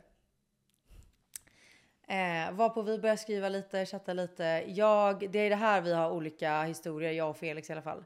Eh, jag kommer till vem Felix är. Men eh, så, ja men jag går in på Felix Instagram. Eh, scrollar ner på någon bild, typ ser Hugo på någon bild. Går in på Hugos Instagram och likar hans bild. var på Felix skriver till mig och bara... Eh, och i samma veva hade jag typ matchat med Hugo också på Tinder. Så ja, jag minns det är lite suddigt men jag snackar på något sätt med båda. Jag vet inte om jag snackar med Hugo. Jo, jag snackar med båda. Men väldigt så här ytligt så. Hade väl börjat snacka lite mer med Felix men som sagt så gick jag in och likade någon bild på Hugo. Och då skriver Felix till mig och bara ha likar du fel bror eller? Och jag bara bror typ. Han bara ja, alltså du ju en bild av min bror typ. Oh och då tror God. jag ju fortfarande att han menar liksom bror i form av vän. Ja. Så jag tänker Såklart. bara, ja fan vad pinsamt. Det var hans, eller så här, jag fattar ju att de var vänner på något sätt Mm. liksom. Men att han ändå liksom skriver så, då är de säkert nära vänner typ. Jag bara, men gud, typ så här, eh, va? Och han bara, ja alltså det är min storebror. Och jag kände jag bara, oh my god. Eh, så jag slutar ju då svara båda två. Livrädd liksom. Ja, nej men jag bara, gud jag skäms. Alltså jag ser ju ut som om jag liksom jaktar. Verkligen. en galen... eh, Ja men kvinna. verkligen, verkligen. Eh, nej men så, eh, så det var det. Det var liksom inget mer än så. Men sen så har liksom Felix fortsatt typ så här slida in och bara när ska vi ses och du vet så här. Ehm, men jag och Hugo följde ju aldrig varandra så det var ju liksom bara jag och Felix. Ehm, så, nej men så den kvällen då jag bara det är någonting med den här killen som jag känner igen. Så går jag hem då och så kommer jag in på hans Instagram och jag bara vad fan det är ju storebrorsan till Felix. och då var det inte länge sedan Felix slidade in i min DM. Ehm, men så var jag så här, vad fan det var ett år sedan, jag har aldrig träffat Felix. Ja, vad fan, det är inte värsta grejen. Exakt, liksom. så då Nej. skrev jag till Hugo den kvällen och bara ah, tänkte väl att det var du typ. Mm. Och han svarade typ så här, ah, där var jag och där var du eller något sånt där. Och sen så tog vi en öl och sen dess så, så har vi hängt. Men jag kan ju säga att det var lagom stelt när jag och Felix skulle hälsa på varandra första gången. Men gud, hur var det då? För det var ju också så här, för Hugo hade inte berättat för Felix heller att, Ah. att han hade börjat, eller de visste ju liksom inte. Nej. Ehm, så, Fe- så Hugo hade ju inte berättat för Felix att han hade dejtat mig några gånger, att vi hade börjat hänga. Så när Hugo berättade det för Felix, då hade ju Felix skrivit till mig dagen innan Hugo berättade detta. Gud vad stelt. Så Felix hade bara, driver du med mig Hugo? Kunde du inte sagt någonting? Jag har ju för fan skrivit till den här tjejen igår. Så det var verkligen så här. Ja, när jag och Felix hälsade vi bara, mm, hej jag vet absolut vem du är. Alltså det var Men verkligen så. Gud. Men nu idag är vi bästa vänner, alltså jag och Ja. Felix. Ja, vad fan. Det är en rolig story. Det är jävligt sjukt Ja, egentligen. Men var det liksom någonting speciellt första gången du och Hugo träffades? Alltså du kände, blickarna var ju där, men första gången ni sågs, kände Ja. du direkt att det var någonting som klickade eller kom det liksom senare? Alltså grejen med Hugo är att det har alltid varit så jävla lättsamt typ. Och vi har alltid, ja, som jag sa innan, vi pratar mycket. Eh, och det var väl nog det jag gick igång på lite, att vi, vi kunde ses och så plötsligt hade det gått typ sex timmar och vi bara hade suttit och pratat. Och det var ju det som väckte mitt intresse. Också att han är väldigt djup. Och det gillar jag. Eh, men sen är vi också väldigt, väldigt olika. Så det var aldrig en liksom det var aldrig en självklarhet att vi skulle bli ett par. Alltså vi hade lika väl kunnat bli asbra vänner. Eh, så det var liksom aldrig, det var aldrig självklart vilket håll det skulle gå. Men jag gick på att vi har det jävligt nice ihop liksom. Det är Eh, lite magkänsla, för det var samma med när jag träffade Johan. Ja. Att, för jag känner igen mig i dig med det här med att man är väldigt stängd, man har Ja. inte så lätt att släppa in någon, man visar sig inte själv sårbar.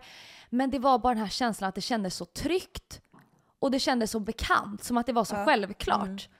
Ja, för det var liksom aldrig några, det var aldrig några spel, det var aldrig någon Nej. fråga om så här, jag, jag tvivlade aldrig på att han var intresserad för att han visade att han var intresserad och lika så gjorde jag. Så det var ju liksom aldrig någonting, ja men ska jag höra av mig, ska han höra av sig? Utan allting var bara så här smooth. Det bara flöt på, liksom. Ja. Och det var typ första gången jag upplevde den känslan. Eh, så jag bara gick med flowet eller vad man säger. Eh, och, eh, och sen så utvecklades det ju till kärlek. Så, ehm, så ja, på den vägen var det liksom. Men du sa att ni hade en del eh, olikheter också. Ja. Kan du berätta lite om hur ni skiljer er åt? Eh, oj, alltså, ja, alltså om man bara pratar så rent bakgrundsmässigt så kommer vi från helt olika uppväxter. Ehm, vi, utan att gå in på det för mycket, men våra familj, familjekonstellationer eller vad man säger ser annorlunda ut liksom. Ehm, och jag kommer väl kanske från en lite tryggare bakgrund typ. Ehm, men också typ sättet vi är på. Han har väldigt eh, starka visioner och drömmar. Han har väldigt eh, specifika intressen. Jag är en person som aldrig riktigt haft någon hobby. Eh, jag har aldrig och har ingen så konkret dröm. Det är klart att jag drömmer om ett visst typ av liv men det är liksom inte så specifikt.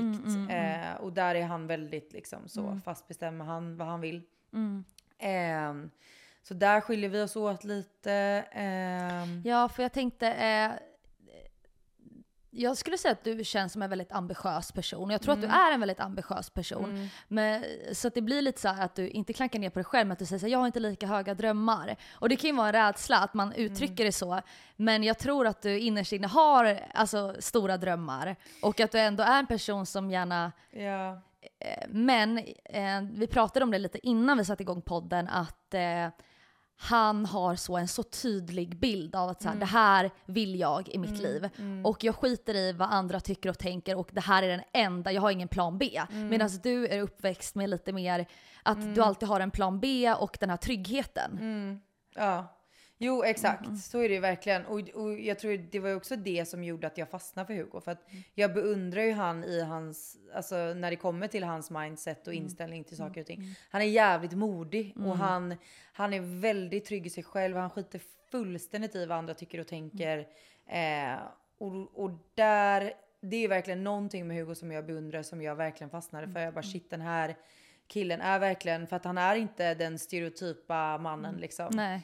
Eh, liksom... Det är ju väldigt inspirerande och Gud ja, och, och det jag... måste ju motivera dig också och liksom börja tänka kanske lite mer som han. Kanske inte helt, men att man får lite influenser av varandra och liksom... 100% och det är det jag känner i vår relation att vi, vi lär och inspirerar varandra så himla mycket och det är ju det som är så kul. Eh, så jag har verkligen fått på, alltså så här, jag har ju fått, jag förstår ju den här liksom, vad ska man säga, tanken av att olikheter dras, eller folk tycker och tänker olika om just den saken. Ja. Många säger ju lika barn leker bäst Ja. medan andra säger att olika liksom, personligheter dras till varandra. Ja, det där är lite intressant. Jag tror, jag tror personligen att eh, man dras till någon som är väldigt lik en. Som du säger, att man, man kan prata, man kan samtala, att man har till exempel den biten är väldigt viktig för er. Men sen så måste man ju förstå att man kan inte vara lika på alla punkter. Man kan inte ha lika värderingar i allting. Nej. Utan man kommer skilja sig. Men där tror jag handlar om att respektera Mm. att man har olika värderingar. Om vi tar ett exempel att någon värderar familjen jättemycket medan för den andra kanske man värderar karriären mer. Mm. Men att man är såhär, men you go, alltså kör din karriär. Mm. Men jag, alltså förstå att man respekterar varandra men Mm. att man respekterar att man är olika. Ja, alltså så här, ja, 100% grundvärderingarna måste ju vara lika, annars så går det ju inte. Exakt. Och någonstans så måste man ju ändå känna att man har en mm, alltså, hyfsat lik bild av vad man vill åt i framtiden. Vilket typ av liv man vill leva. 100 För det går ju inte om någon vill leva i en van och någon vill bo i ett hus. Alltså så här, Precis. praktiskt sett så funkar alltså det går ju inte. Eh, så där måste man ju vara på samma Mm. plan. Men sen tror jag verkligen att det är väldigt sunt för en relation att man har lite olika intressen och lite olika inställningar till saker och ting så som i mitt och Hugos fall. För att det, jag känner ju jag har alltid sagt det att jag behöver vara i en relation där jag känner att jag utmanas lite. Mm. Eh, och det skulle jag ändå säga att Hugo gör med mig. För att han har lärt mig att se saker ur nya perspektiv. På samma sätt som jag lär honom att se saker ur nya perspektiv. Så så sätt så är våra olikheter något väldigt fint för vår relation. Det blir någonting positivt där Ja, ni pushar verkligen. varandra och utmanar varandra. Ja. Liksom. Ja. Sen är det ju klart, det är också det vi, vi hamnar i diskussion kring. Såklart. Men vi pratar om det. Eh, och vi kommer ut bättre på andra sidan liksom. Så Verkligen. Jag tror vi är inne på ett väldigt så här, intressant ämne. Jag lyssnade på en podcast eh, med en kille eh, som har skrivit en bok om just det här med relationer. Och det var därifrån jag fick det här med att man måste respektera varandras ja. eh, olikheter och värderingar. Att man kan det är helt omöjligt att man ska träffa någon som är, värderar ja. allting Och exakt lika. tråkigt. Ja, vad tråkigt. Eh, visar du upp mycket av eh, din relation på YouTube? Eller gör du inte det alls? Eller hur? Nej, alltså väldigt lite. Dels för att Hugo kanske inte är jättebekväm i formatet. Ehm, men också för att, jag vet inte, jag har väl aldrig känt något behov i att så här stolpsera med, med en relation. Mm. Ehm, det har liksom aldrig, jag lägger ut när det känns, när det känns liksom Mm. naturligt. Ehm, men jag, alltså, jag är kanske inte superfan av folk som ska eh, göra det jättetydligt på sociala medier att man har en partner. För att jag tycker att det kan nästan bli näst, lite motsatseffekt om jag ska vara helt Lite ärlig. too much. Ja, Det är inte ditt huvudfokus men Nej. sker det naturligt så sker Nej, det. men så liksom. han är ju mitt liv så självklart så syns han ju på sociala medier. Men jag bombar inte med bilder Nej, och videos. nej. För att jag gör inte det med någon annan vän. Så varför ska jag göra det med honom? Jag tycker att det kan bli väldigt så alltså, jag kan nästan få lite så här, gud vad ni töntiga med par som håller på. Alltså, Du har förlåt. lite... Nej men jag har lite svårt för det. Ja, jag alltså förstår. folk som är överdrivna med att exponera sin partner. Men tror du att det kan vara de som överdriver och exponerar sin partner på ett överdrivet sätt? Det känns ju ibland som att det kan vara de som kanske har det sämst som försöker visa upp det perfekta. Förstår du Ja, lite vad jag menar? Alltså Ja. jag, verk- jag jag förstår verkligen vad du, vad du är inne på för spår. Men jag tror också att det kan ligga mycket i att här, man har ett bekräftelsebehov. Mm, mest i det Eh, liksom. ja. Ja. jag tror faktiskt det. Men, eh, men så här, folk gör ju vad de vill. Men Mm. Alltså ja, han syns när han syns. Alltså, Men är det många av dina följare som efterfrågar att han ska synas mer? Som tycker att det är intressant och bara kan inte visa mer? nej, Nej. typ inte. Det är några. Några? Som kan bara, sen när de ser en glimt som bara, åh vi ser mera Hugo. Men det är inte så här, nej. Det är ingen, Förstår, ja. ingen grej så. Så det är ju skönt liksom. Vad skulle du säga är viktigt för dig i en relation? Eller vad är det viktigaste Ja. tror du? Eh, ja men dels det vi har, gud jag säger dels. Mm. dels det vi har varit inne mycket på. Alltså kommunikation. Mm. Det är det viktigaste för mig. Det allra viktigaste. Verkligen, håller med 100%. Eh, sen skulle jag väl ändå säga, också varit inne på, eh, det här med att ge och ta. Att man känner att det är en ömsesidig, eh, vad ska man säga? Ja men att man ger och tar lika Mm. mycket helt enkelt. Eh, och sen respekt också, väldigt väldigt viktigt. Mm. Eh, det är nog de tre som jag känner, och tillit såklart. Mm. Och Det får vi inte glömma. Det, är- det är ju väldigt, alltså så här, och att man är attraherad av varandra. Alltså så här, Ja. Det är mycket att gå in på men, men det viktigaste för att ha en stabil grund tror jag är eh, att respektera varandra, eh, känna tillit och eh, att man har en bra kommunikation. 100 procent. Kan du vara svartsjuk ibland i, i din relation? Eller har du känt svartsjuka? Ja, jo men det har jag ju. Absolut. Jag är inte svartsjuk som person men eh, absolut att man kan eh, känna av det. Men jag är ganska snabb på att, eh, att skilja på, eller jag försöker i alla fall vara, att skilja på känsla och tanke. För ofta så är det bara tankar. Och, 100 procent. Och det tror jag många glömmer. ja, så, och jag är väldigt bra på att slå bort en tanke. För att jag säger åt mig själv att det här bara är en tanke och du har egentligen inga grundlag. Alltså så här, för att den tanken, alltså det är ingenting som säger att den tanken stämmer liksom. Jag måste säga att du, du känns väldigt medveten. Du är väldigt medveten. Mm. Eh, och hör dina egna tankar, reflektera över dina, dina Ja. egna tankar. Det är inte många som gör det faktiskt. Alltså, med, det är väl också en mognad att man, som du själv var inne på, att du börjat analysera, analysera Mm. mer. Men det är många människor som också är väldigt omedvetna. Mm. Ja, Och inte jo. stannar upp och tänker, vad Säkert. säger jag till mig själv? Nej. Men jag tror att det är det jag gör i just de stunderna när jag får sådana tankar. Eh, sen är det ju klart, också som jag sa förut, att så här, jag kan också vara alltså, ostabil mentalt en vecka. Och då är det klart att det är lättare att känna sådana tankar, man tvivlar på sig själv. Och det, har, ju liksom, det går ju inte ut enbart över en kärleksrelation utan då är det mer liksom generellt. Att man Det går ut över här- allt ja. i princip. Ehm, och då kan exempelvis sådana tankar dyka upp. Att man säger bara, men gud, Mm. tänk om han eh, liksom tycker att en sån typ av person är mer intressant som är mer lik honom. Mm. Alltså typ sådana tankar har jag absolut varit i. Ehm, men, eh, men överlag så är jag ingen svartsjuk person. Ehm, Mm. Men, eh, ja, men absolut, sådana stunder. Det, jag reflekterar ju alltid. Får jag en tanke som jag tycker känns destruktiv så reflekterar jag alltid över, alltså i stunden varför jag får den tanken. Och att man liksom observerar tanken och förstår att det bara är faktiskt är en tanke. Och alla Ja. tankar är inte sanningar. Nej men det är det En menar. det tanke finns kan, inga- det finns ingen sanning i varje tanke heller. Nej, exakt. Och det glömmer många. Att så här, Mm. Och en tanke leder ju sen till en känsla. Ja. Så om man har kvar den tanken för länge, då kan det bli en känsla. Mm, Ja. Alltså, Och vissa tankar har man levt med så länge att till slut blir det en sanning Ja. som man liksom lever med hela tiden. mm. Och det underlättar ju också i, när man får sådana tankar, att man Ja. är medveten och kan switcha om tankarna Mm. och ändra dem till någonting positivt. Och att man kan prata med sin partner, som, ni, som du säger att ni har väldigt bra kommunikation. Och att då kan ju Mm. den eh, partnern hjälpa till med att så här, nej men gud det är inte alls så, jag tänk, reflekterar inte alls så, du, jag ser dig på det här sättet och det finns ingen Exakt. annan och skulle aldrig komma i min tanke att jag har ögonen öppna för någon annan och så Nej. får man direkt känna sig lugnare istället Ja. för att hålla det för sig själv. ja gud ja. Vad har du för framtidsvisioner? Vad har du för, om du får, om du får bara blunda, sluta ögonen och tänka så här. Mm. Om du fick den här frågan, om du visste att det här hade du lyckats med. Mm. Du visste det med 100% sannolikhet. Mm. Vad hade du gjort då? Alltså min dröm är ju frihet. Mm. 100%. Det känner jag ju. Ehm, jag drömmer om att bo på olika platser. Jag drömmer att testa på och bo liksom ett år där, ett år där, ett år där. Alltså det är verkligen någonting som jag drömmer om. Att kunna ha den friheten att jobba från olika ställen. Och typ maxa livet helt ärligt.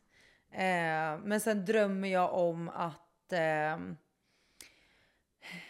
Eh, alltså när det kommer till jobb och så, så tyck, jag tycker det är en jävligt svår fråga. För att jag är verkligen i en period där jag ifrågasätter allt. Alltså så här, vad vill jag egentligen göra? Och det kanske är positivt för då är det ett stadie där du liksom försöker lista Ja. ut lite vad är det jag egentligen vill med mitt liv. Ja. Men drömmen är ju någonstans att som vi också var inne på lite förut, alltså ditt syfte med den här eh, grejen, liksom ditt koncept att så här, känna att man inspirerar folk. Eh, och det är också lite det jag känner gällande det jag pratade om förut om att så här, jag vill samla så mycket kunskap jag kan. För att någonstans vill jag kunna liksom lära och inspirera och det kan jag inte göra utan att besitta kunskap. Ehm, Det känns som att du har ett djupare syfte i din dröm. ja. Och eh, det tror jag kommer driva dig. Väl, alltså, det är ju en väldigt drivkraft att liksom man har någonting större som att man vill inspirera Mm. andra som du säger. Och ge tillbaka. Nej men 100 procent. Eh, så så här, jag har liksom ingen konkret dröm. Men om jag bara liksom tänker alltså stort och mer typ översiktligt så är det väl att så här, jag vill göra någonting som ändå ger mig, jag vet inte, jag vill känna att jag har ett syfte. Alltså, du Alltså jag vad jag förstår dig 100%. Jag tycker det är ett jättebra svar. Alltså jag hade exempelvis kunnat jobba, jag hade kunnat jobba, jag hade kunnat jobba i vården men inte jobba i den miljön om du fattar vad jag menar. Jag hade kunnat jobba med äldre människor fast inte i den miljön för att jag vill samtidigt känna friheten. Men alltså för när jag bodde i Norge så jobbade jag i café. Det var verkligen så service bara. Men det som drev mig var för att det var sådana kaféer i så här, eh, ja men som exempelvis Södermalm eller Göteborg typ Linné. Det var verkligen sådana om, det var områ, bostadsområden fast i storstan. Så det var verkligen 90% stamkunder och jag skapade så många alltså unika relationer med de här människorna. Och det var det som fick mig att gå. Det var det som fick mig att vara på ett café i tre år. Det var just de här relationerna med personerna och det var specifikt en äldre man som hette Ragnar och han gick också bort under tiden jag jobbade och det var jättesorgligt. Men han var ju 87 eller något sånt där. Ehm, och alltså vi fick sån fin relation. Och han kom ju enbart och drack morgonkaffet när jag jobbade. Så att han kom alltid med sin rullator, kollade in genom fönstret och kollade om jag stod där. Om jag inte gjorde det så gick han hem igen. Det kommer jag gråta nästan. Ja, men alltså, och det, och det, var, alltså, det var det som typ, den tiden där och när jag fick liksom uppleva de här banden man kan skapa med folk som är så, alltså Ragnar, 87, liksom norsk, alltså helt liksom så olik mig på alla sätt och vis. Och vi bara skapade världens finaste relation. Jag tror att det som, det som du drivs av, det Mm. är att få en connection och relationer med människor. 100%. Att lära ut, inspirera, men att också bli själv inspirerad Mm. och bli lärd. Och eh, jag tycker att det är ett jättebra, att du har kommit jättelångt i det tänket att du har insett det. Alltså så här, för det, och ibland så är det det här djupare man ska ställa sig, den djupare frågan som du svarar på nu, istället för det här konkreta. Ja, Många glömmer bort att fråga sig själv, så här, vad är det egentligen mitt syfte? Mm. Och där har du ju liksom hittat ditt syfte och det som driver dig. nej men Eh, det är om det är att verkligen- jobba på ett fik eller om det är att så här, jobba med YouTube Mm. och inspirera människor där och hjälpa människor. Ja. Liksom, ja. Jo, det är väldigt sant. Jag, jag märker ju typ nu när jag pratar också så går det upp för mig att det är relationer jag drivs av. Relations liksom eh, bildande eller vad man säger. Eh, men som sagt, i och med att jag också vill åt den här friheten så är det ju inte... Jag hade som sagt kunnat jobba på ett äldreboende för att jag älskar äldre människor. Eh, men jag hade inte klarat av det rutinmässigt. Nej, för du vill fortfarande ha friheten och där är också en insikt att så här, du har insett att du vill ha den friheten. Du vill Exakt. kunna vara på vilken plats på jorden som helst Exakt. Mm. och fortfarande kunna göra det du gör. Men då är min fråga, tror du att du kommer jobba med det du har pluggat eller tror du att du kommer satsa mer på dina sociala medier? Alltså planen är ju i och med att jag började egentligen jobba med sociala medier när jag började plugga så jag har ju aldrig riktigt gett det chansen. Nej. 100%. Jag har alltid bara haft det som en sidosyssla. Så nu är väl egentligen planen att faktiskt bara våga satsa fullt ut. Sen så är jag väldigt öppen för att typ konsulta eller vara anställd på så här timmar i veckan när man jobbar typ två gånger i veckan, typ där jag praktiserar nu. Jag hade mer gärna typ hjälpt dem med marknadsföringen, varit anställd på så här, ja, men 16 timmar i veckan eller någonting. Eh, och sen utöver det köra mitt eget. Eh, det hade ju varit den ultimata situationen för mig så som det ser ut nu. Sen hade ju såklart det varit svinkul om man hade kunnat liksom, leva på sitt eget 100%. Men eh, så sätt så är jag jävligt taggad på att ta examen för att skolan har ju tagit upp liksom Mycket av din 90% av tiden. Ja. Och det är ju som du säger, man måste väl testa sig fram och se liksom vad man gillar och vad som funkar.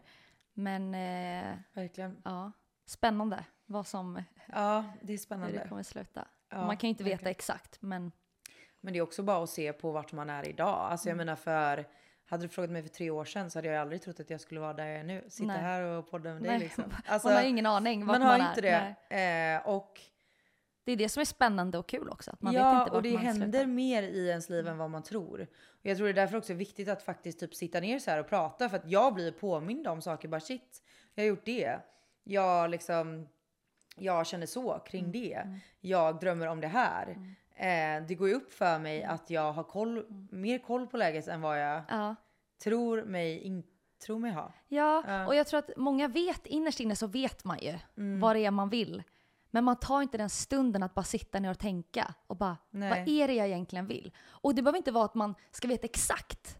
Nej. Men bara det här som du sa, den här grunden, den här inre Mm, känslan. vad- vad som driver ja, en, liksom. Precis, syftet liksom. Ja. Ja. väldigt fint. Jag hoppas att folk kan bli också inspirerade av när vi pratar om det, att liksom själva fundera lite. Ja. Du har ju ish, man kan väl kalla det för att du har blivit moster, eller vad ska man säga, faster, vad säger man? Eh, Eftersom Ja, att Filippa har ju ja, blivit, eh, fått barn. Vi säger att Ja. vi alla är mostrar. Ja, jag kan tänka mig att ni kallar det för det. Hur Mm. känns det? Nej men det känns ju både overkligt och eh, självklart. Alltså, det går typ inte att beskriva. Eh, det går typ inte att beskriva för att det, var sån, det har varit sån jävla process. Alltså det, det är typ svart om jag ska vara helt ärlig. Eh, för det har varit så högt och lågt, berg och dalbana. All, all, från att så här katastrofalt, alltså tankar, till att idag är det så givet liksom. Eh, men alltså, På så kort tid också. För att, Ja, alltså den kortaste graviditeten jag varit med om. Liksom. eh, men eh, det känns ju jätte, jätte... Alltså nu, man är bara så... Nu kan man liksom andas ut. På sätt och vis. Man kan andas ut för att han är frisk och för att Filippa mår bra och är väldigt trygg i den situationen hon är i nu. Det är man väldigt, väldigt glad över. Att det ändå har landat där det har landat. skönt. Man kan liksom landa nu. Och, Ja, men samtidigt så nu står man ju också inför den typ största utmaningen att faktiskt ta hand om Mm. en bebis och uppfostra en person. Och, Ja. Ja, gud ja. Det är ju den största utmaningen mm. som finns typ. Men det är så fint, som vi pratade om innan, er vänskap. Ni är väldigt nära varandra och ni har en väldigt fin relation, eh, Mm. ni vännerna. Mm. Eh, hur mycket har ni betytt för Filippa i den här situationen? Alltså jag tror att vi har betytt, eller jag vet att vi har betytt väldigt, väldigt mycket. Eh, samtidigt som jag är så sjukt imponerad över den resan som Filippa har gjort med sig själv. För att någonstans, det är, hon har ju liksom, det är en väldigt, väldigt unik situation. Och någonstans så måste du hitta styrkan i dig själv. För att vi kan inte göra så mycket, för situationen är som den är. Det enda vi kan göra det är att finnas där och eh, försäkra henne om att hon aldrig kommer vara ensam. Men hon har hittat den alltså, främsta styrkan hos sig själv, alltså 100%. Och det är alltid så i slutändan att det liksom, Ja, man måste komma, ja. styrkan måste komma inifrån. Liksom. Eh, men speciellt i en sån situation. Alltså som jag sa, det är en sån jävla Alltså, unik situation. Där, för det blev också en väldigt, man sattes ju i en position som vän som man inte har heller upplevt tidigare. För att så här, jag är alltid någon slags hobbypsykolog till allt och alla liksom. Är det så? Eh, ja men Kan jag typ. tänka mig. Ja. Ehm, och känner väl alltid att jag har haft liksom, ja, men jag har alltid kunnat ge bra råd och, och så för att man själv har erfarenheter och gått igenom det ena och det andra. Men det här var verkligen en situation som ingen utav oss någonsin liksom har varit i tidigare. Så det var liksom inte bara att men det, här, det kommer lösa sig, det kommer bli bra. Eh, som exempelvis när någon går igenom ett hjärtekross, då är det ju bara att tiden läker alla sår, du kommer över det. Det här var en situation där det var så här Vad fan säger det man? här Ja. är det som händer och det finns ingenting vi kan göra Mm. utan att det här inte kommer ske. Jätteannorlunda situation. Väldigt annorlunda Mm. och det var, det, det, det, var det, det var ju också en utmaning på så sätt att vara vän Mm. eh, i en sån här situation för att man, man visste helt ärligt inte vad man skulle säga. Nej. Och det kändes jobbigt. Alltså för första gången i mitt liv så kände jag mig typ stum. Mm. Så jag har inga råd att ge. Man känner väl sig eh, maktlös, ja, att man inte och väldigt, kan göra väldigt någonting. hjälplös. Ja. För att så här, när vi fick beskedet om att så här, det här barnet måste födas. Mm. Så liksom jag och Jennifer bara tittar på varandra och bara vad, Vad gör man? Mm. vad gör vi? Alltså för att vi ser vår vän är helt Mm. förstörd. Eh, och vi är de som räknas nu liksom. Ja. Ehm, och på så sätt så är jag väldigt glad att man har haft, alltså jag främst då har haft Jennifer för det är vi som har varit liksom tajtast i detta. Ehm, Alltså från vårt håll då. Sen har ju Felicia också varit super super engagerad. Eh, men det är väl jag och Jennifer som har haft, alltså den dialogen vi har haft är mest främst med varandra liksom. Eh, men och det har varit så himla viktigt också för oss eh, att ha varandra. För att vi har helt seriöst behövt liksom Kommunicera bara, hur och fan, snacka, hur, hur, hur gör vi? stöttar vi Ja. Filippa på bästa sätt i det här? För vi har, för en gång skulle har vi inga, inga svar. Nej. Eh, vilket var till ovanlighetens liksom, Ja. skull eller vad man säger. Ja. ja, det är en svår situation. Jättesvår. Liksom. Så någonstans så tror jag, för att vi satt ner och pratade om det här nu bara några veckor innan Filippa födde. Och bara alla fick bara prata ut typ. Mm. Eh, och det var som att vi fick en helt annan förståelse för varandra. Och Mm. Filippa öppnade upp sig om att så här, hon har känt på ett visst sätt. Och vi öppnade upp oss hur det har, från vårt perspektiv hur det har varit. Utan att liksom, det är ju Filippa som är i situationen så det Mm. är henne det, det handlar om. Men jag tror det var viktigt att vi bara så här ventilerade alla våra känslor och tankar. Och det gjorde typ att vi blev ännu närmare. Ja, ni har att- kanske blivit ännu tajtare efter Ja det men som det har tror jag hänt. Mm. verkligen, alltså 100%. Så det var typ viktigt för oss att göra det. Eh, Tror du att Filippa har liksom fått en tankeställare också om, eller sett tydligt också vilka som är på riktigt hennes vänner? Eller kanske hon redan visste att ni, det här är mina närmsta vänner, hon vet vart ni har det, hon vet att ni älskar henne liksom. Det kanske hon alltid har vetat. Ja, alltså, jag, alltså jag, faktiskt inte, jag vet faktiskt inte för jag har inte pratat med Filippa om det. Men, nej. Men jag märker ju vilka hon tyr sig till. Mm. Eh, och jag antar att det är ett ganska... Ja, för jag tänker när man är med om en situation där liksom där man är med om någonting väldigt, väldigt jobbigt, att det Mm. kan bli också väldigt tydligt för en så här, vilka är faktiskt ens riktiga vänner när det. man är på botten Mm, eh, och vilka som finns där ja, när det väl händer. ja. Det kan bli en liten Tack. wake up. call. Ja, det kan jag tänka mig. Att, Verkligen. Nej, men, eh, så. så. Mm. har det säkert varit. mm, Men som sagt, jag vet inte helt. Men eh, mm, man märker ju vilka hon liksom tyr sig till. anförtror sig mm, till. Ja. mm. Den här podcasten heter ju Vår gemensamma dagbok, där Mm. vi delar med oss av våra motgångar, framgångar, vårt liv, våra historier, där vi kan inspirera andra, lära oss nya saker. Mm. Och därför så, har, så får varje gäst ställa en ny fråga till nästa gäst. Mhm. Ja. För det är ju som sagt vår gemensamma dagbok. Ja. Så du får skriva ner en liten fråga, eller låtsas skriva, eh, men ställa en fråga till nästa gäst. Ja, kul. Så eh, har du någon, någon, vad som helst som du liksom är nyfiken på? Du vet ju inte ens vem nästa gäst är. Nej men det som jag alltid tycker är intressant när jag pratar med folk, också som vi har varit inne väldigt mycket på idag, Mm. att så här, har det alltid varit en självklarhet för dig att du ska vara där du är idag? Ah, det är en jättebra fråga. Ja men jag tycker det är spännande. Ja, ja, Men oftast så är det ju, har det ju inte varit en självklarhet. nej, Men det är ganska intressant att få höra om det skulle vara så. ja.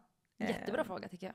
Ska ja. jag skriva ner? Ja, Får vi se. Men tack snälla, det var jättemysigt att sitta och prata med tack dig. själv. Så mysigt och så kul. Och Ja. eh, givande. Verkligen. Och det känns som att jag har lärt känna dig mycket, mycket bättre. Och jag har lärt känna mig Ja. själv typ. Ja. Jag hade mer att Ja. säga än vad jag trodde. Ja, det är underbart när man känner så. Verkligen. Man kommer med insikter medan man pratar. Ja, Som man har haft liksom ingrottade, men som bara där kommer finns ut. de men det bara ja, behöver krävs komma ut. lite Ja, grävande det är jag liksom. som gräver fram. Men du är bra på att gräva. Ja men tack snälla Ida. Tack Så själv. mysigt. Så mysigt. Puss och kram. puss. Hej då.